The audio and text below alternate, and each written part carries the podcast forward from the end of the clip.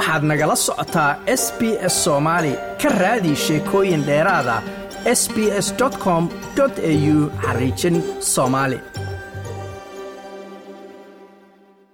dhowaantan waxaa jiray muran ka dhashay dowladda etoobiya oo sheegtay inay goobo lagu xuso dagaalkii toddobaatan iyo toddobadii ka samayso buuraha kaaraamardha taasoo soomaali badan ka caraysay. Maxamed ismaaciil sidee u aragtaa? Horta bal dadka haddaan u sharaxno buuraha kaaraamardha waxa ay yihiin iyo muhiimadday leeyihiin?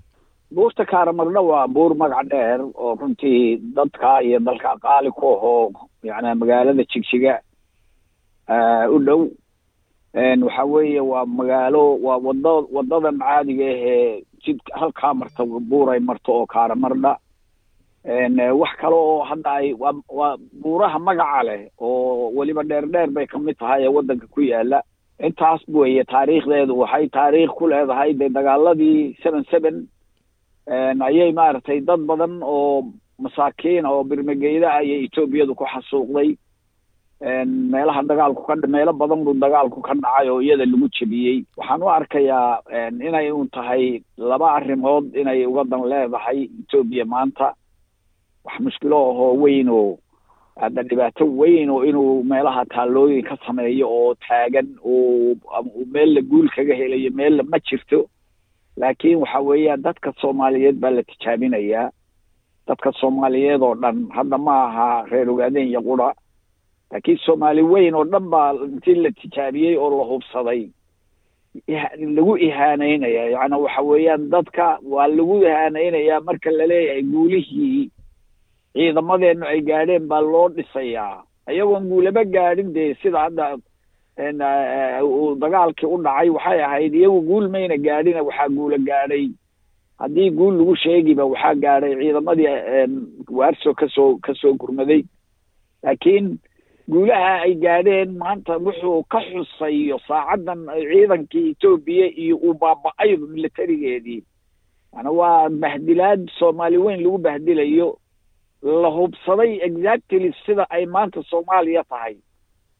La hubsaday oo aynan inaba xaab iska saaraynin. Inaha baan anigu u arkaa ee waxa wax weyn ma laha. Waa garta marka madaxda hadda dowlad deegaankaoo kale maxay arrintaas ama ka dhihi karaan ama maxaad rabi lahayd inay ka dhahaan? Maadaama sidaad sheegaysid dad badan oo soomaaliya ay taariikhdaas etoobiya dowlad ahaan ay aaminsan tahay iyagu ay si kale u arkaan. Madaxda dowlad deegaanku de waxa weeyaan dadku siday u arkayaan anigu uma arko dowlad deegaanku waa qeyb etoobiya ka mid a dowladda addis ababa xukunta waddanka taliska halkaasaa xukuma. Waxana waa waxyaalo lagu qurxiyadoo bilow aadmiga lagu khaldayo. Haddii ay dowlad deegaanba tahay dalal dadka etoobiyaanka ah bay u tahay oo ilaa xad maad aragtay maamul hoosaad leh.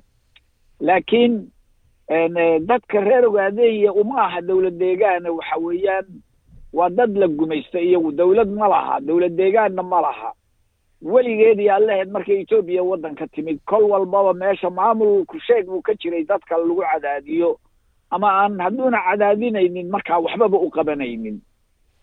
Hadda dadka soomaaliyeed ee la gumaysto ee waddankaa ku nool waxay wanaag u yaqaanaan markii aan la laynin markii aan la dhicin markii aan nafta lagu lagu celiiliyin markaasay wanaag u yaqaanaan laakiin dadka bilow aadmigu uma noolo uun in in la dilo uun ama ina inaan la dilin uun uma noolo. Wuxuu u nool yahay inuu xataa noolaado horumar sameeyo cadaalad helo oo isagu aayihiisa ka tashado. Ma haystaan? Marka dowlad deegaankanu ma diidi karayso ma diidi karayso waxa dhisababa wadato. Hadday diidaanna dee waxa weeyaan wax sidaa loo waxa weeyaan meesha unbuu waayayaa ma aha inuu diido ma aha hadduu xataa sidii la rabay u fulin waayo booska waa laga qaadaya wixii meesha maamul ahaan ku jooga. Wax macno diidadooduna wax macno ay samaynaysa ma jiro leanna arrinta laysku hayaa ayu karamardha qura ma aha waddan iyo dal baa laysku hayaa iyo dad. Dadkaa iyo dalkaa la haysto dee qofkii ogolaaday in la haysto oo la gumaysto. Hadduu diida kaaramarna oo yidhaahdo diida maxay macno ay samayna haddii hadda kaaramarnaba laga daayaba intii waxoogaa buuq buuq la sameeyo lagaba daayo laga daayo waxaan uu leeyahay geesiyadii baan u dhisayaa.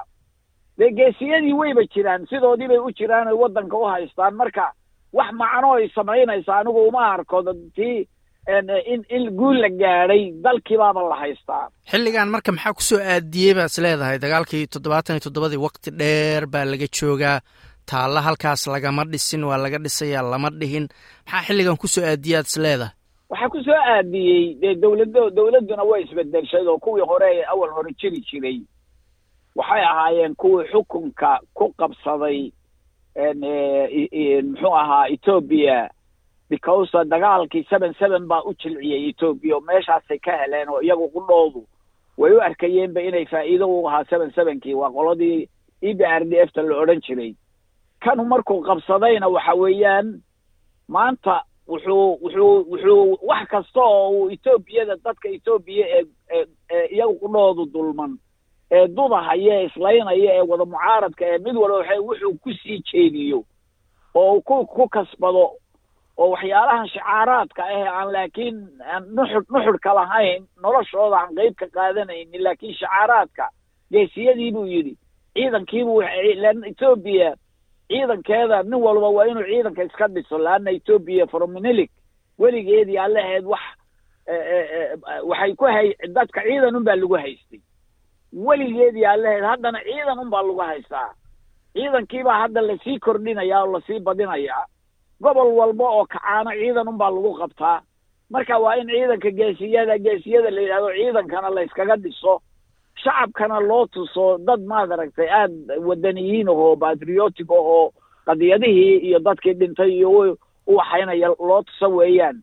Wax alla wuxuu kale oo uga dan leeyahay. Anigu hadda yani markii xagga etoobiyada laga eego dhinacaasaan u arki karaynaa waxyaalo badan buu isku dayayaa oo inuu sameeyo dadkan ku kasbanaya ilaan mucaarad badan iyo balaayo badan baa ka hoos buuxaysa xagga soomaalidana waxa weeyaan waana lagu bahdilayaa waana lagu tijaabinayaa waxa weeye waxaa la yidhi usha usha maxaa la yidhi usha maxaa la dhihi jiray? Agtiisa ku dhufo. Hadduu ka dhiidhihi waayona korkiisa ku dhufo weeye. Marka hadda dowladda etoobiya iyo kooxdii tigreegu hadda waa ay heshiiyeen nabad bay qaateen. Dagaalo aad iyo aad dad ugu baaba-ay kadib. Maxaad is leedahay nabaddaasu sidee bay u saameynaysaa ama sidee u aragtaa guud ahaan etoobiya hadda sida ay u socoto iyo heshiiskaas dhex maray dowladda federaalka iyo tigreega sida uu u saameyn karo gobolka soomaalida? De gobolka soomaalida wax wax kasta oo geeska africa ka dhacaya way saameynaysaa abaara hadday dhacdo cudurra hadday dhacaan colaada hadday dhacaan laba qolo oo deriso hadday dagaalanto mar walba way saameynaysaa wayna saamaysayba. Laakiin laakiin waxa weeyaan etoobiya heshiiska hadda tigree iyo ka dhacay muxuu ahaa iyo dowladda dhexe ay yidhaahdaan etoobiya waxa weeye waxaa waxaa waxaa la yidhaahdaa waxaa heshiinaya siyaasiyiin baa heshiinaya. Marka horena siyaasiyiinun baa islaynayey laakiin shacab weyne ma heshiinin. Shacab weynuhu wuxuu leeyahay magacyuu leeyahay qola waa tigree maslaxad tigree la yidhaahday leeyihiin taariikhiyan ay u lahaayeen. Waxaa jira history aada laysu layn jiray oo laysu dhici jiray oo laysgumaaday xaggan kale waxaa jira qowmiyado la yidhaahdo oromo kuwa la yidhaahdo. Marka dadkanu dadku ma heshiinina waxaa heshiinaya dowladda unbaa cid kuwii ay magacaabatay iyo kuwo kale oo marna isku buuqaya marna yaa heshiinaya. Marka anigu heshiiskaas wuxuu heshiiskaas waa heshiis xoog iyo qasab lagu hirgelinayo. Taas in lagu hirgeliyana wax lala yaabo ma aho etoobiya dee weligeed xoog iyo qasabka unbaa dad kale isugu hayay. Etoobiya waxa weeyaan qariib kuma aha in dadka oon israbin dadka oon dowladda rabin iyo dadka oon iyagu israbin xoog laysugu hayo caalamkuna ku ilaaliyo oo lagu lagu maalgeliyo. Waa wax weligeed soo jiri jirtay weligeedna way jiraysaa. Maanta keliya waxay kaga duwan tahay. Shacabkii awal hore lalahaa laysku hayey ee saa laysgu ciriiriyeyey maanta sidii hore ma aho waxbay fahmeen. Aabbayowgoodii la dila minilik bay ka hadlayaan. Hadda maanta oroma waxay leedahay minilik waa ninkiina gubaysto waa in taalladiisa la burburiyo. Awal hore ma jirin yacni waxaad arkaysaa baraarug baa dhacay. Waxay baraarugu u dhacay. Annaga waabaa nala gumaysan jiray. Annaga waabaa aabbayow dadkii lala baraarugaas baa farqi yar keenaya oo laga yaabaa inay mushkiladu inay uun mushkiladan iska horimaadku inuu kor u sii kaca mooye inuun hoos u soo dhicin. Waxaa waxaa meesha ku jira oo qayb weyn ka qaadanaya international communityga waxa la yidhaha reer west westiga dalalka reer galbeedka ah oo mar walbaba maad aragtay dowladda xoogga iyo cadaadiska iyo cadaalad darrada ay dadka dadweynaha ku samaynayso xataa dadkeeda. Raalli ka ah oo ku baraarujinaya oo ku maalgelinaya. Sidaa daraaddeed baa maad aragtay heshiis haddii la yidhaahdo waa iska heshiis waa la odhanayo de hadda xabadoodii ma dhacayso. Markii horena iyaga unbaa xabadda isku riday shacabkana ku gumaaday. Haddana iyagaa xabaddii kala daystay. An will see waxa hadhow ka dhaca keliyata ee raalliga una waxa weeyaan waa soomaali soomaali weyn baa raalli wax walba ka ah oo dhinacii loo sixiyaba iyagu iska ogol waa gartay. Marka maxamed ismaaciil ugu dambeynta sarkaal sare oo ururka o n lf ka tirsan baad wakti dheer ahayd dhowr sano ka hor ururkaasu xabaduu dhigay heshiis buu la gaaray dowladda abi adigu arrintaas sidaan u fahamsanay raalli kamaad ahayn. Hadda markaad fiirisid tigreegii oo awooddii aad ogeyd lahaa baa dagaal waxba uga qaadi waayey dowladda federaalka. Marka in o n lf ay hubka dhigto si kale wax ku raadiso. Dhowr sano kadib hadda miyaysan ku saxsanayn inay hubka dhigaanoo si kale wax ku doonaan? Maya waxa weeyaan horta heshiis anigu kuma sheego. Heshiis ma aha inay sliib bay ahayd waddanka maaragtay hubkaanu dhigay. Nin hubka hubkiisii iyo ciidankiisii iyo ku wareejiyey cadowgii la dagaalamayey way way heshiiyeen ma aha. Oo aan aan qayb qaadanin nin maaragtay isagoo iska lugaynayo oo aan wax la soo siiyey oo darajo aan jirin iska soo galay. Heshiis ma aha waxa weeyaan waddankaaga inuu ammaan baa lagu amnesty haddii qofka maaragtay ammaan loo bixi maxay nabadgelyo loo fidiyo weeyaan. Laakiin waxa weeyaan waa etoobiya dagaal unbaa wax lagaga tigreegu dagaal bay wax kaga qaadeen. Hadda etoobiya tigreeg bilaash iskamayna siinin. Way dagaalameen hadday dagaalameenna wataa tigreegii baa heshiinaya. Ninka maanta maaragtay uu u magacaabay inuu madaxweyne ka ahaado waa birhaano naga weeyaan. Soo ma aha marka nin idaa waxa kugu daayaa idaal kuma dhehe wuxuu kugu daayaa la tuso. Way dagaalameen. Markay dagaalameenna de waxa weeyaan ma aynan go goosan iyaduwa mayna rabin. Laakiin sida ay doonayaan bay yay yay ku joogayaan. Waxaa laga yaabaa t p l f toodii baa waddanka hadda maamulaysa waail meelihii kaleo dhan ay b b qabsatay oo maamulada ka jira ee gobolla kusheegu waa b b baa haysata. Laakiin tigreegu waxa weeyaan iyagii baa ismaamulaya doorashay gelayaan shacabkoodii unba maad aragtay way heshiis baa dhacay caalami ah oo caalamku wada eegayo oo oo oo yaa dhacay. Marka ma aha in dagaal wax lagaga qaadi waayo dagaal baa wax lagaga qaaday. Dagaal baa wax lagaga qaaday waana waana kuwa awal horeba iyagu ethoobiyan ka go'aynaa mayna lahayn waa garta marka hubka in la dhigo ma xumayna waxaad leedahay in shuruudo ay ku xiraan ama wax ku qaataan bay ahayd. Eeg waxa weeyaan waxaad u dagaalamaysaa inaad xorriyad hesho. Xorriyadda wixii aad ku bedelan waxay haddii xorriyadu ay iman weydo. Waxa weeyaan bilow aadmigu duruufuhu mar bay kugu qasbayaan inaad compromise gasho. Waxyaalaha la yidhaahdo compromise waxqaatay qaado.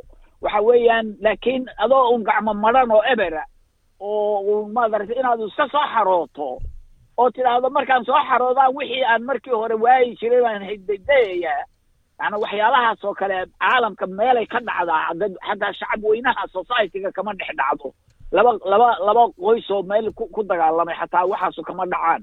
Waxaa jira adeer waxa weeyaan hubkaaga markaad haysato unbaa maad aragtay haddaad etoobiya wax weyn wax ka bedeli iyo haddii etoobiya qunbaa unbaa waxaynaya adoo hubkaaga haysta. Midda kale markaad dagaalamaysay markay etoobiya iyadu ay ay ay muxuu ahaa dadcunka iyo waxeedii oo dhan ay ahayd maray iyadiiba kala daadatay. Oo raggii maxaabiista ahaa ee qaarkood naftu ha ku furato kuwa ay wada fasaxday soo daysay raggii wada dagaalamay kuwii waxay wixii o dhan ooda ka qaaday. Oo dheriga kulaylka kulaylkaa ka keenay karkaa la yidhi ay tabaryari ka keentay inaad adiguna markaa tabaryarideedii u sujuuddo ood lugaha ka dhunkato yani wa wa wa waa waxyaalaha aan weli taariikhda caalamka soo marin. Mushkiladaasu waa mushkilo soomaaliya oo dhan u taalla. Yani waxa weeyaan soomaaliya meel dhibaato yaro hadday ka jirto meesha kalena dhibaatadu way un la qabaysaa laakiin in sidaa loo fahmo loo faham la'aanta midaas weeye waxa dhibaatada soomaaliya meel kastoy joogto. Fiir qofkii soomaaliga ahaa meel kastuus joogo. Ninka siyaasiga ahee meel mushaahar ka qaadanaya mooyaane hadduu kenya joogo iyo hadduu soomaaliya joogo iyo hadduu jabuuti joogo iyo hadduu ogadeya joogo soomaaliya noocaa ay wada waa wax ay wada tahay. Ihaanadu waa u siman tahay. Wax walba oo dhibaatada maanta dadka haysta ee maamul la'aanta caalamkan lagu jiro dee dowladihiibaa yaa sarfaa yaa noolaan kari la oo oo oo oo oo oo dowladihii caadiga ah. Laakiin waxaan dowlad la'aan aan ahayn oo ummada oo noocan u jiri karaysaayo waa cajiib. Kaasina wuxuu ahaa maxamed ismaaciil oo horey u ahaa sarkaal sare oo ka tirsan ururka o n l f khadka telefoonkan igu warramaya like aas la wadaag wax ka dheh lana soco barta facebooka ee sb s soomaali